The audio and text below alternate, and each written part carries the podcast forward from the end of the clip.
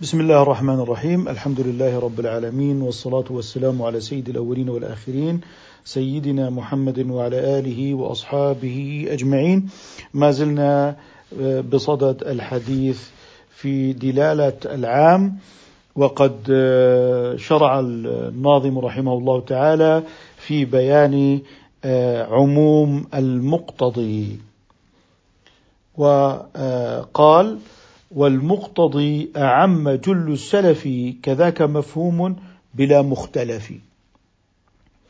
المقتضي هو كلام يتوقف صدقه أو صحته على تقدير أمر من الأمور. هذا المقدر يسمى مقتضى. هذا يسمى مقتضى.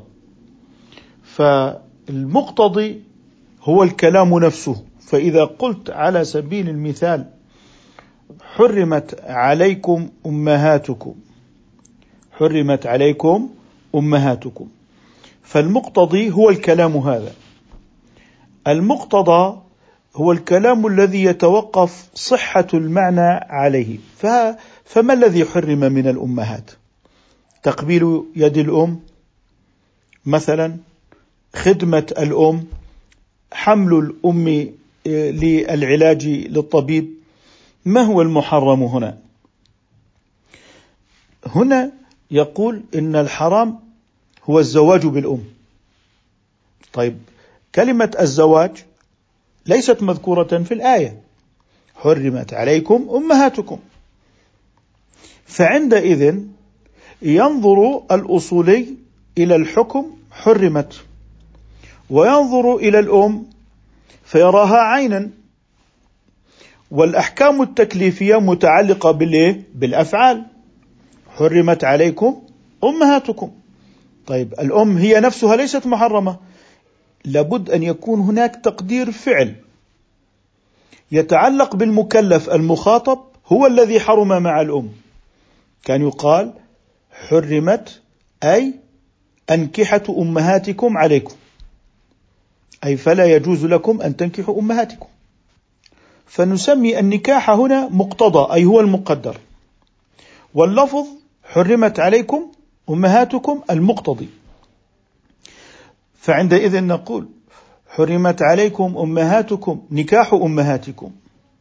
طيب وأيضا أنواع الالتذاذ بالأم سواء كان بالنظر أو بالجس أو بالزواج.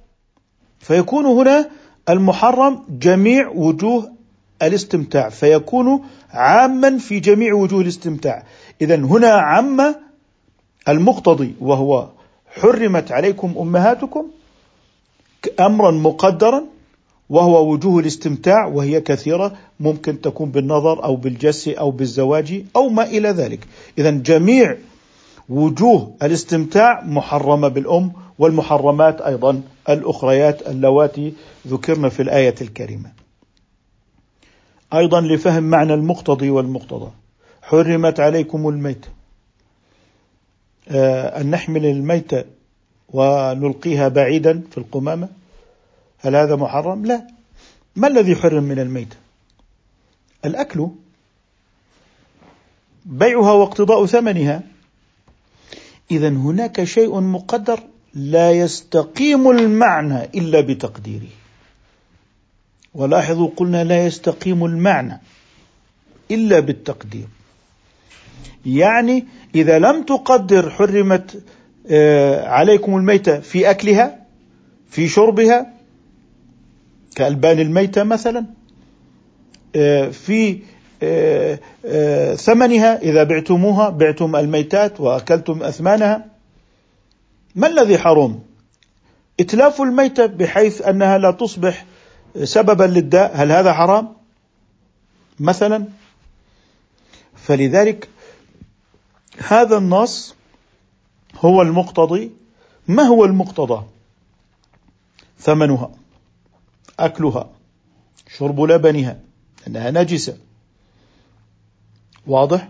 اذا هنا قدرنا معنى لو أننا لم نقدره لم يستقم لدينا معنى النص الشرعي. لابد أن تقدر. لابد أن تقدر.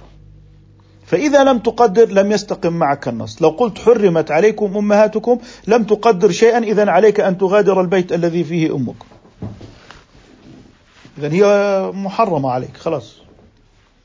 إذا كيف استقام المعنى؟ بتقدير نكاح أمهاتكم جس أمهاتكم ومصافحتهن بلذة وهكذا كل المحرمات. وهذا طبعا بعيد عن الأشراف ولا يحدث حتى مع الفسقه من المسلمين إنما نحن نطرح ذلك على سبيل التوضيح.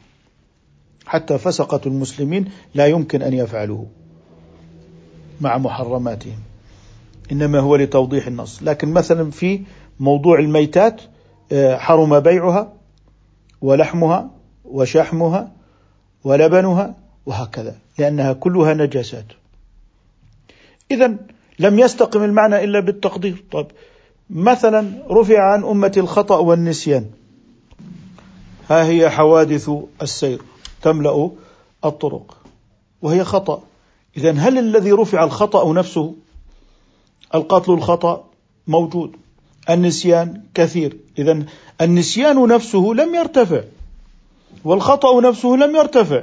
فإذا حملنا الجملة على عدم التقدير لم يستقم لدينا المعنى لأننا نشاهد في الحس وقوع النسيان ووقوع الخطأ. فكيف يكون مرفوعا ونحن نراه؟ إذا لابد من تقدير أي رفع عن أمتي إثم الخطأ. أي رفع عن أمتي إثم النسيان. وعندئذ يستقيم المعنى. إذا هنا يريد أن يقول لك إن المقتضي من الصناعة الأصولية وليس من الصناعة النحوية. حرمت عليكم أمهاتكم نحن أمام جملة تامة في ألفاظها. هنا الفعل المبني لما لم يسمى فاعله أو نسميه المبني للمجهول وهو نائب الفاعل. ورفع عن أمة الخطأ. جملة تامة من حيث تركيبها اللفظي. فهي جملة تامة في الأركان اللفظية وعندما نظر النحوي إلى هذا التركيب فهو سليم من حيث استكمال جميع أركانه اللفظية ثم يمضي. أما الأصولي فإنه سيبحث في مراد الله. فسيذهب أكثر مما ذهب إليه النحو وبالتالي هنا دلالة الاقتضاء من مباحث علم أصول الفقه وليست من مباحث النحو. والتقدير هنا من حيث المعنى لا من حيث الألفاظ. يعني لو قلت كيف خالد؟ قلت لك نجح في الثانوية العامة. خالد مقدر أي خالد نجح. اذا هي صناعة لفظية.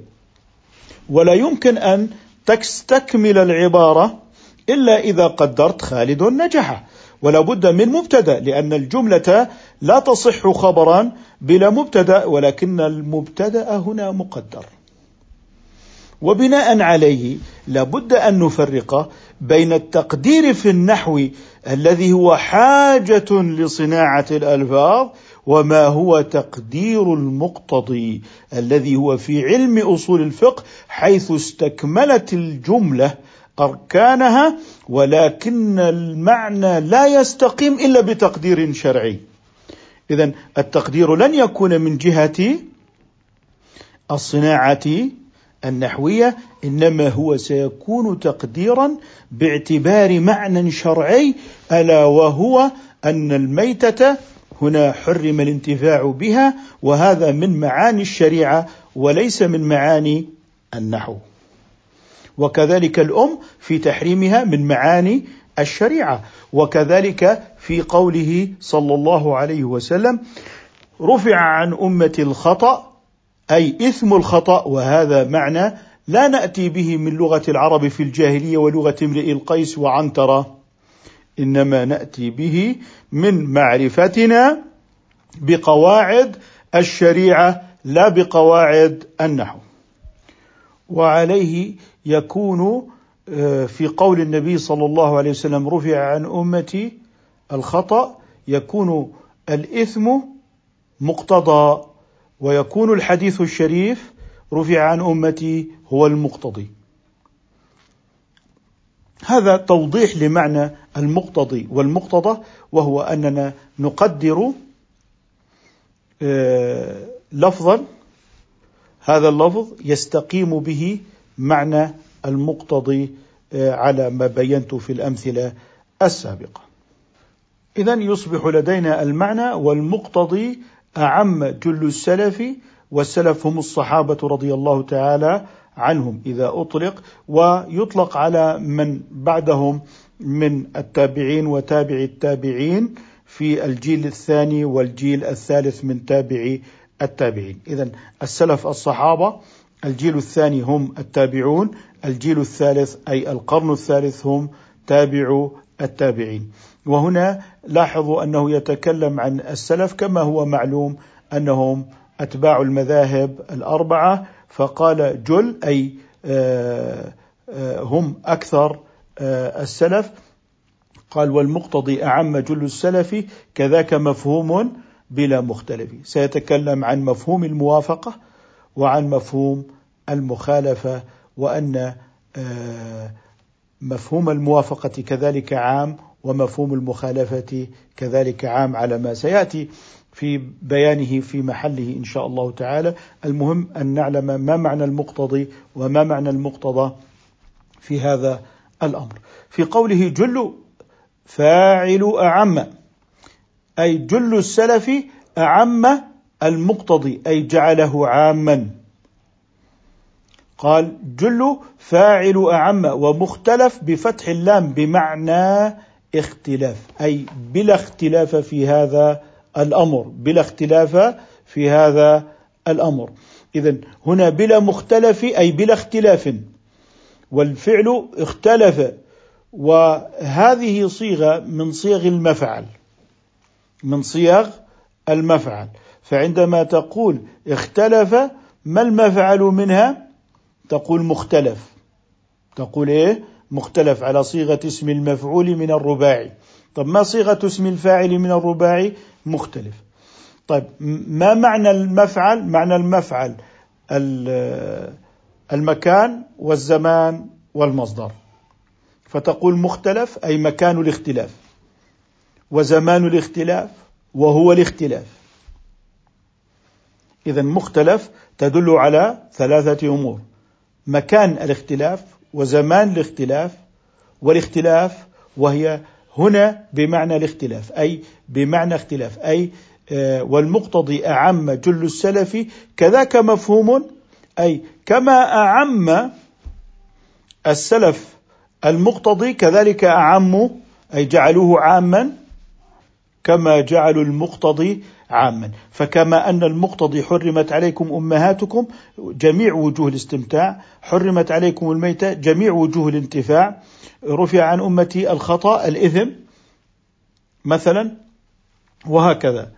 فقال يعني أن المقتضي قال جل السلف والسلف كما قلنا إذا أطلقت فهي تعني آه، الصحابة رضي الله عنهم ومن تابعهم بإحسان ومعلوم أن آه، معلما من معالم أهل السنة والجماعة أنهم أتباع المذاهب الأربعة. عدالة الصحابة بإجماع معلم من معالم أهل السنة والجماعة. وبالتالي المدرسة الفقهية السنية هي في هذه المذاهب الأربعة المتبوعة ونحذر من مفارقة الجماعة. وبالتالي ممكن أن تجد داخل هذه المذاهب الأربعة المتبوعة نقاشا فقهيا حرا من قبل أئمة مجتهدين آه، يعني آه، آه، ينشطون في البحث والتقعيد والترجيح لكنهم في فقههم المقارن ظلوا على قواعد الأمة وتحت سقف المدرسة الفقهية السنية فتجد فقيها مالكيا قد يرجح في الفقه المقارن مذهب الحنفية والعكس أيضا صحيح. فهذا من باب فتح باب البحث على مصراعيه أمام هؤلاء الأئمة لأن ذاكرتهم لا بد أن تبقى مشحونة بالبحث وال وال والشرح والمناقشة والتعليل.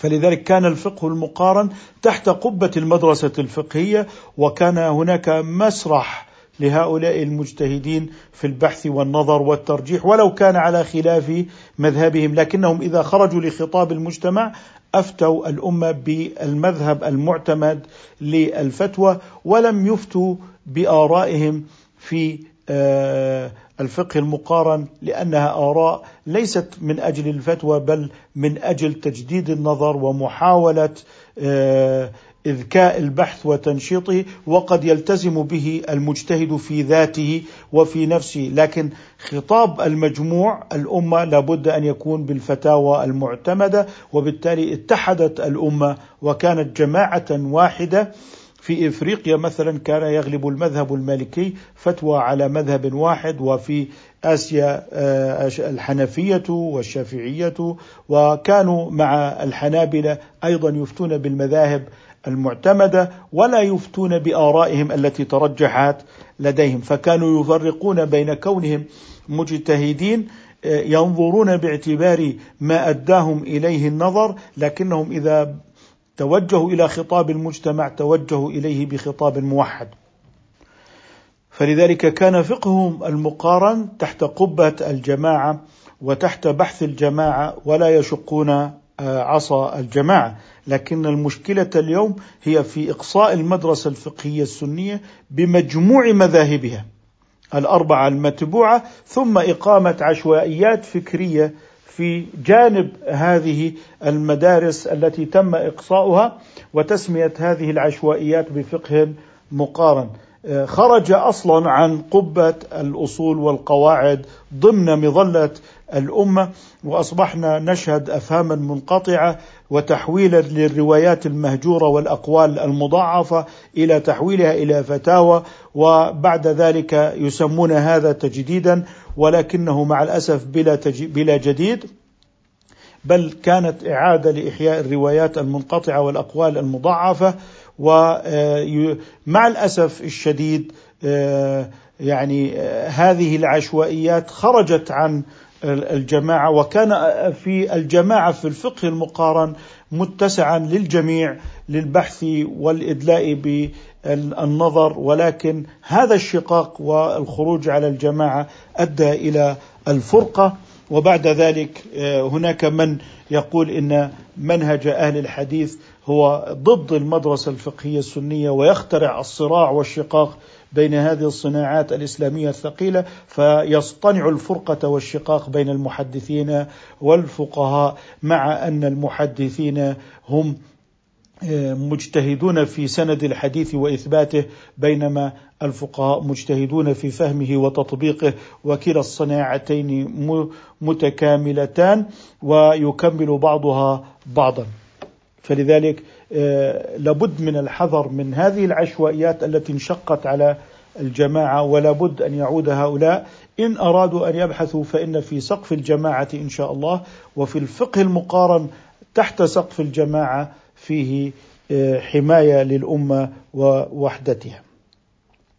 إذا آه، السلف هم الصحابة رضي الله عنهم والمذاهب الأربعة هم على طريق السلف واختراع الشقاق آه، بين المسلمين هذا آه، حرام شرعا والزعم بأن العلماء الأجلاء من المتأخرين فارقوا الأئمة وأن هناك من يريد أن يصحح المسار لمجموع الأمة وهم أفراد يعني آه، لا يملكون ما يملك واحد من هؤلاء العلماء الأجلاء من مكانة علمية وتقدير علمي. فأصبح يعني آه، عوام الناس اليوم يحكمون على أئمة الاجتهاد. وبعدما كان حق العام السؤال أصبح حقه تجريح الأئمة ورموز البحث الاجتهادي في الفقه الإسلامي بدعوى أن هؤلاء قد فارقوا سنة نبيهم وفارقوا إمامهم كما هو في الشائعات التي تنتشر حول المدرسة الفقهية السنية من قبل أفراد غير قادرين على أن يحلوا مكانها بالمرة.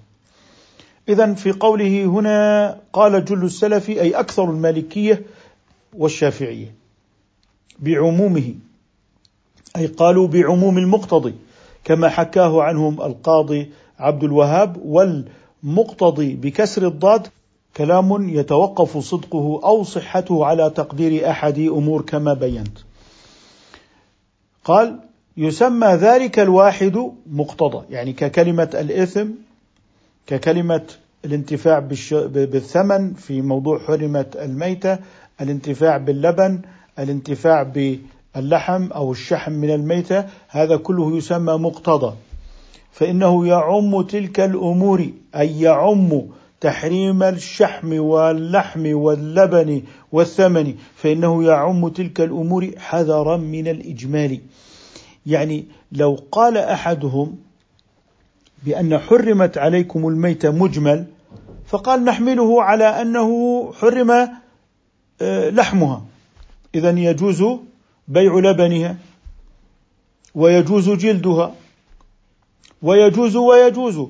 إذا الإجمال يعني أنه يريد أن يأخذ واحدا ويحقق به النص ويترك باقي أفراد العام. ولذلك هنا يريد أن يقول لك إن العموم أولى من هذا الإجمال لأن الإجمال هو إعمال في واحد بينما العموم إعمال في جميع المقتضيات التي اقتضاها النص. وقال ابن الحاجب والغزالي وغيرهما إنه لا يعمها. لاندفاع الضرورة بواحد منها. ويكون مجملا بينها يتعين بالقرينة. اذا نحن في عموم المقتضي أمام مذهبين. المذهب وهو مذهب الأكثر أن المقتضي يعم جميع الأفراد. وهناك مذهب آخر يقول إن المقتضي مجمل فيتحقق بواحد من أفراده وتبرأ به الذمة. اذا نحن أمام قولين. أن المقتضي مجمل يكفي تعيين فرد من أفراده لتحقق الأمر وهذا قول ابن الحاجب والغزالي رضي الله تعالى عنهما. وأمام قول وهو قول الجمهور أن المقتضي عام فلا بد أن يحمل على جميع الأفراد المحتملة له وعلى جميع ما يصلح له المقتضي. اذا قال وقال ابن الحاجب والغزالي وغيرهما إنه لا يعمها لاندفاع الضرورة بواحد منها لأنه اعتبره مجملا فقال إن الضرورة تندفع بواحد ويكون مجملا بينها أي إن الواحد يكون مجملا مختلطا بالغير ويتعين هذا الواحد فإذا عيناه قد وضح النص في هذا الواحد ولا نبحث عن بقية تلك الأفراد لأن المجمل يتعين بتطبيقه على واحد كما فعلنا في حديث ابن عباس في الجمع بين الصلوات. اذا نحن أمام مذهبين في موضوع عموم المقتضي. هناك من يذهب إلى العموم وهم الأكثر آه، من الشافعية والمالكية وهناك من يذهب إلى أنه مجمل كما ذهب إليه ابن الحاجب والغزالي. فإذا قلنا إنه مجمل اذا يكفي تعيين واحد للعمل به ولا آه، يجب العمل ببقية تلك الآحاد الأخرى لأن المجمل يندفع بتحقيق واحد منه وعندئذ يتحقق الأمر به. أما العام فلا بد من حمله على جميع أفراده. ثم قال قوله كذاك مفهوم يعني أنه لا خلاف في عموم المفهوم. والمفهوم نوعان مفهوم موافقة ومفهوم مخالفة. فإذا قلت لك في قوله تعالى فلا تقل لهما أوف أوف كلمة يتضجر بها تدل على التضجر. فإذا نهاك عن أوف ما حكم الشتم والضرب وسائر أنواع الإيذاء؟ تقول لي إذا حرم الأدنى وهي كلمة أوف اذا يكون قد حرم الأعلى. وهو الشتم والضرب طيب هل أف تساوي كلمة شتم؟ لا هل أف تساوي الضرب؟ لا هل معنى أف لغة الشتم أو الضرب؟ لا إذا هذه الكلمة دلت بالتنبيه على أنها إذا حرم التأفف فما هو أشد من التأفف أولى بالتحريم؟ فيكون هذا مسمى مفهوم موافقة. مفهوم موافقة. بمعنى أن ما فهمناه دل عليه كلمة أوف بدلالة التنبيه فذكر نوعا وأراد كل أنواع الإيذاء. وكذلك في قوله تعالى إن الذين يأكلون أموال اليتامى ظلما. إن الذين يأكلون أموال اليتامى ظلما. فما حكم أخذ مال اليتيم وعدم أكله لكن نلبس فيه ملابس أو نشتري به سيارة أو يتلف؟ مثلا فالإتلاف وأخذه للبسه وأخذه ظلما لركوبه فهذا يساوي يساوي تحريم الأكل. فإذا قال يأكلون إذا حرمت جميع وجوه الانتفاع لكنه نبه بالأكل على تحريم بقية الاعتداءات على أموال اليتيم.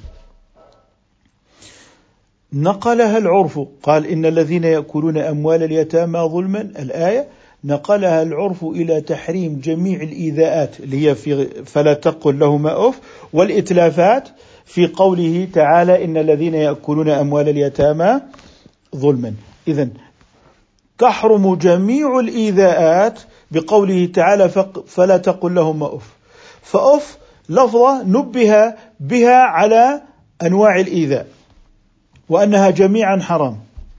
ويأكلون نبه بها على جميع أنواع الإتلافات سواء بأكلها أو حرقها أو لبسها ظلما أو ركوبها ظلما.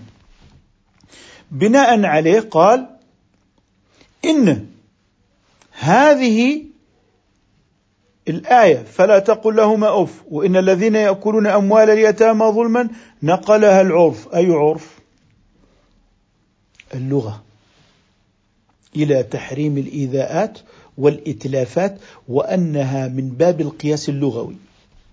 وأنها من باب القياس اللغوي.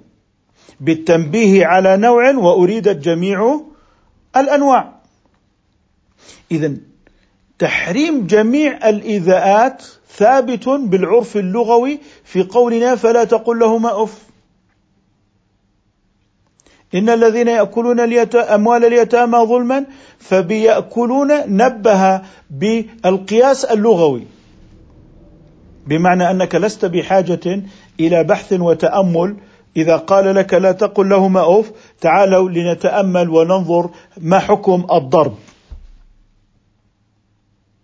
يعني لو أحدهم قال لك أعطني آه، عشرة دنانير قلت له ولا دينار واحد. فمعنى ذلك أنك لا تريد أن تعطيه شيئا. فيفهم ذلك بالعرف اللغوي بدلالة التخاطب بين الناس.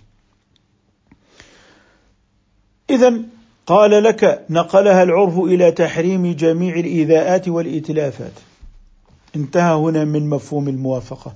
انتقل للحديث إلى مفهوم المخالفة.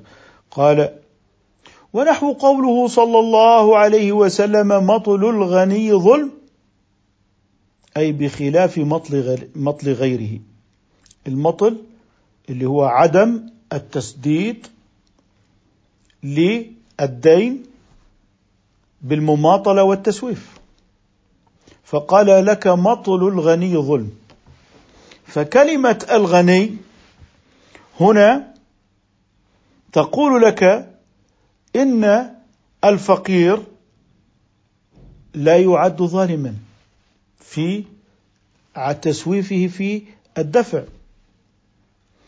فكلمة الغني لا تدل على الفقير بوجه من الوجوه وكلمة ظلم لا تدل على ليس بظلما.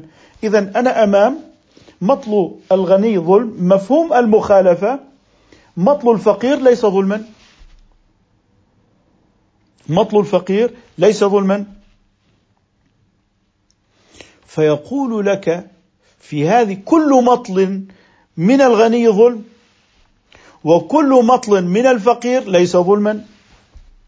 فصار هنا عموم مفهوم المخالفة. فقال مطل الغني ظلم أي بخلاف مطل غيره من غيره؟ هو الفقير. والحاصل أن اللفظ قال والحاصل أن اللفظ الدال على مفهوم الموافقة والمخالفة صار عاما فيهما بواسطة العرف في الأول. العرف في الأول ما هو الأول؟ مفهوم الموافقة. ما هو الأول؟ مفهوم الموافقة. كجعل حرق مال اليتيم كحرمة أكله. وكذلك لبس مال اليتيم. وأخذ مال اليتيم واشتراء أدوات منزلية مثلا. وعموم أكل الربا. وشتم الوالدين وضربهما. كل ذلك عام. جميع وجوه الايذاء حرام. وهذا جاء من خلال دلالة اللفظ هذه الكلمة وهي آه، أف دلت على أنواع مشابهة. دلت على أنواع مشابهة. والأكل لمال اليتيم دل على أنواع مشابهة. فهذه الدلالة أشارت إليها الألفاظ.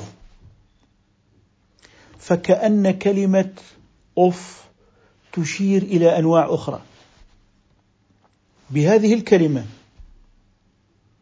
بهذه الكلمة فيتبادر لنا من كلمة أف تحريم الضرب والشتم. وكذلك من أكل مال اليتيم. كل وجوه الانتفاع بمال اليتيم حرام. هذا معنى عموم المقتضي اللي هو إيه؟ خلصنا من عموم المقتضي. الآن هذا عموم مفهوم الموافقة. عموم مفهوم الموافقة. طيب إنما حرم عليكم الميتة والدم ولحم الخنزير. ما حكم شحمه؟ محرم بمفهوم الموافقة. لماذا؟ لأن كلمة لحم تشير إلى ما هو في مثلها وهو جلد الخنزير وهو لحم الخنزير. إذا كلمة لحم هنا منبهة. كلمة لحم هنا إيه؟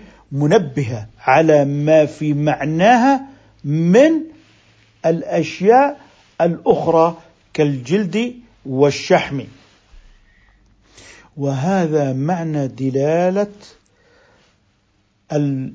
المنطوق إلى مفهوم الموافقة أنها باللغة. فما زالت كلمة لحم مشيرة إلى الشحم ومشيرة إلى الجلد. وكلمة الأكل في مال اليتيم ما زالت تشير إلى تحريم كل وجوه الأكل ظلما بالحرق والإتلاف واللبس والركوب. وكلمة أوف كذلك تشير وتعطي ومضات باتجاه كل أنواع الإيذاء وهذا كله باللغة. وما نسميه بدلالة التنبيه. نسميه بدلالة إيه؟ التنبيه. أنه نبه وأراد بقية الأنواع كما هو في صدقة الفطر. ذكر النبي صلى الله عليه وسلم الشعير وذكر النبي صلى الله عليه وسلم التمر وذكر الأقط لكنه لم يذكر الأرز. فهو منبه للأقوات بهذه الإشارات وبالتالي هذا مستفاد من اللغة. مستفاد من اللغة. إذا هنا استفادتنا من اللغة وهو معنى قوله هو معنى قوله السابق آه، في آه، بواسطة العرف في الأول الذي هو مفهوم الموافقة. وبواسطة العقل في الثاني ويقصد بالثاني مفهوم المخالفة. ويقصد بالثاني مفهوم المخالفة. إذا طيب ألم نستعمل عقولنا في فهم المنطوق؟ ألم نستعمل عقولنا في مفهوم الموافقة؟ ألم نستعمل عقولنا في مفهوم المخالفة؟ نعم صحيح. لكن المنطوق ومفهوم الموافقة عرفا بدلالة اللغة. أصالة فالعامل ها في هذا أن اللغة بنفسها تشير ويفهم العقل تلك الإشارة. أما في مفهوم المخالفة فهذا مختلف. اذا لما قال بواسطة العقل أي أن دلالة اللفظ على نقيض الحكم أمر عقلي. فعندما قال صلى الله عليه وسلم مطل الغني ظلم إنما يتكلم عن الغني ويتكلم عن ظلمه وتسويفه. لم يأتي على الفقير باللغة بالمرة فقام العقل بالعكس. قام العقل بعمل عكس. قال إذا كان الغني المماطل ظالما فأنا كعقل أفهم أن الفقير إذا ماطل لا يكون ظالما. وهذا ليس بالقياس اللغوي. ولم تشر كلمة الغني إلى الفقير كما أشارت كلمة أوف إلى الشتم والضرب. ولم تشر كلمة آه ظلم إلى أن مطل الغني ظلم ومطل الفقير ليس ظلما إنما هو مفهوم بالعقل. فعلينا أن نفرق بين مفهوم الموافقة الذي لوحت به كلمة أف وما زالت تلوح ويفهم بالبداهة. ويفهم بالإيه؟ بالبداهة أن تحريم التأفف يقتضي تحريم الشتم والضرب. من اللغة بينما هل من اللغة عندما قال مطل الغني ظلم أن كلمة الغني لوحت وأشارت بالفقير؟ هل كلمة ظلم تلوح وتشير بليس ظلما؟ أم أن العقل هنا امتد امتدادا واسعا ليخرج من النص مفهوما لم يلوح به النص بشكل مباشر إنما استنبطه من العقل بما أن مطل الغني ظلم اذا مطل الفقير ليس ظلما. فعندما نقول إن مفهوم المخالفة إثبات نقيض حكم المنطوق وهو مط المنطوق هو مطل الغني ظلم. والمفهوم مطل الفقير ليس ظلما. ومن هنا نقول اتسع العقل في الاستنباط. على نحو لم يكن متسعا ومستغرقا في مفهوم الموافقة التي تثبت بتلويح اللغة وبإشارة اللغة بالوميض إلى أن الشتم والضرب أشد من القول أوف وعليه تفهم بالبداهة وبالمباشرة من اللغة وبالمباشرة من اللغة. على خلاف ما قلناه في موضوع آه، دلالة العقل على مفهوم المخالفة. وعليه لا يمكن أن يكون مفهوم المخالفة ثابتا بقياس لغة كما ثبت آه، تحريم الشتم والضرب بالقياس اللغوي. وكما يثبت أن النبي صلى الله عليه وسلم آه، نبه إلى نوع وأراد أنواعا. بذلك وأن لحم الخنزير ملوح بتحريم شحمه وجلده. هذا كله تنويه ويعني تلوح به اللغة من آه، نفسها. فكما قلت إن أف هنا آه، بالوضع اللغوي وإن كانت لا تشمل الضرب والشتم إلا أنها أومأت إليهما وأشارت إليهما والأكل وإن لم يشمل بالوضع دلالة على اللبس أو الركوب إلا أنه أومأ إليهما. وهذا بحث أصولي وليس بحثا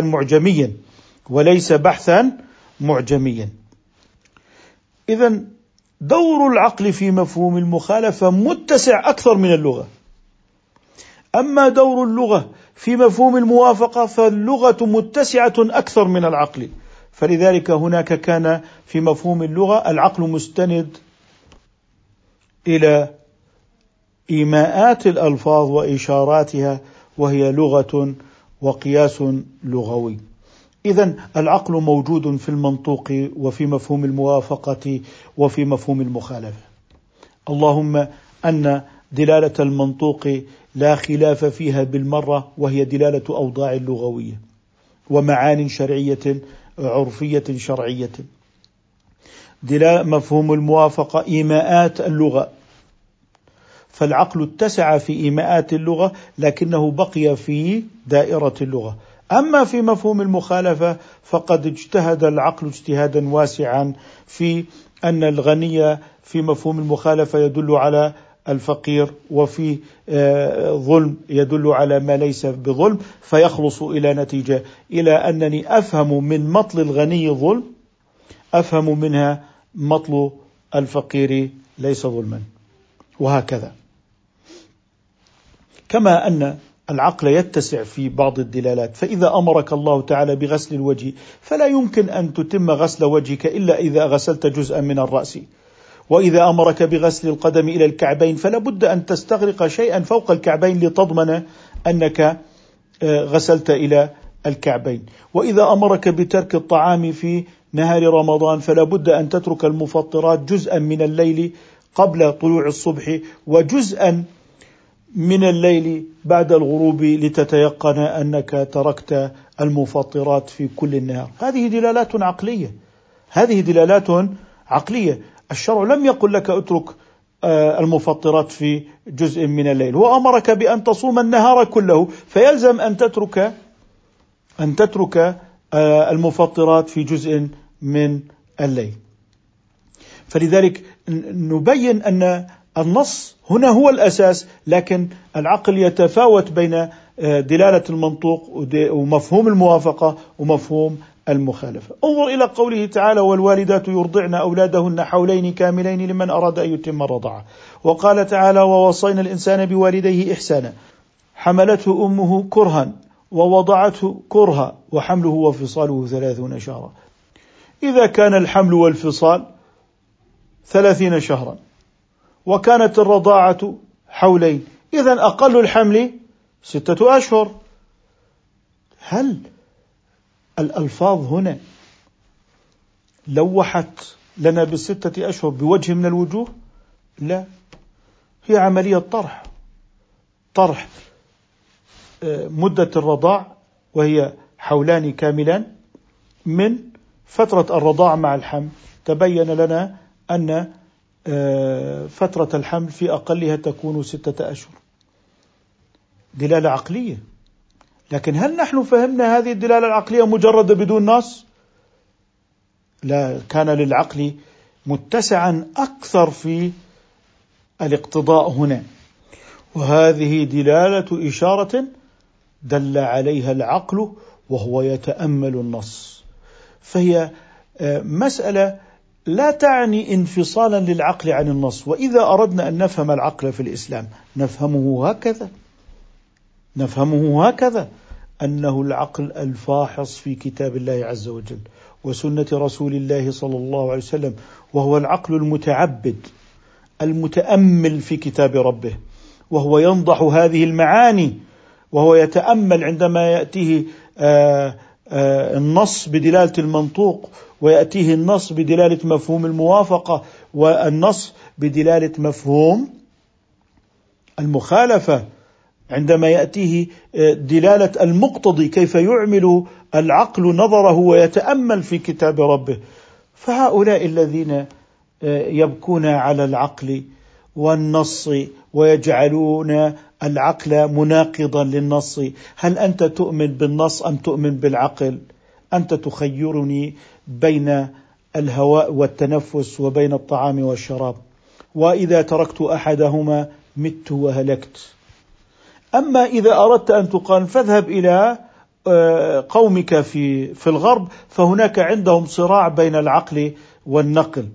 أما نحن هنا فهذا مثال على إبداع الأصوليين في عقولهم الفذة المتعبدة الساجدة الراكعة في ميدان الوحي وتحت قبة الإيمان. هذا هو العقل الذي عظمه الله تعالى. هذا هو العقل الذي يهدي الإنسان إلى الجنة. هذا هو العقل الذي يقول الله تعالى فيه لقوم يعقلون. وليس لتلك الميول التي يسمونها عقولا. اذا نحن أمة العقل والنقل وهذا مثال على مسرح العقل في التأمل في النص الشرعي في دلالة المقتضي المقتضى مفهوم الموافقة مفهوم المخالفة وهكذا في دلالة الإشارة هنا العقل ساجد في محراب الإيمان. هذا هو العقل الذي نؤمن به وهذا هو العقل الذي ندين به لله سبحانه وتعالى. وحسبنا في هذه الأمثلة العملية في النص التي أبدع فيها أئمة الاجتهاد في الكلام في البيان والإجمال وكيف يتحقق الإجمال كما ذكرنا في عموم المقتضي ومنهم من ذهب إلى إجمال المقتضي كما هو الحال بالنسبة لابن الحاجب والغزالي. هؤلاء الأئمة هم الذين صنعوا مسرح النظر وانظروا إلى هذه الأقوال التي تثري التفكير وتنهض بعقل باحث الشريعة في ميدان البحث وأن يبقى هذا العقل نشطا وأن تبقى الذاكرة حية في البحث العلمي في الفقه والأصول. نكتفي بهذا القدر إن شاء الله تعالى، سبحانك اللهم وبحمدك نشهد أن لا إله إلا أنت نستغفرك ونتوب إليك.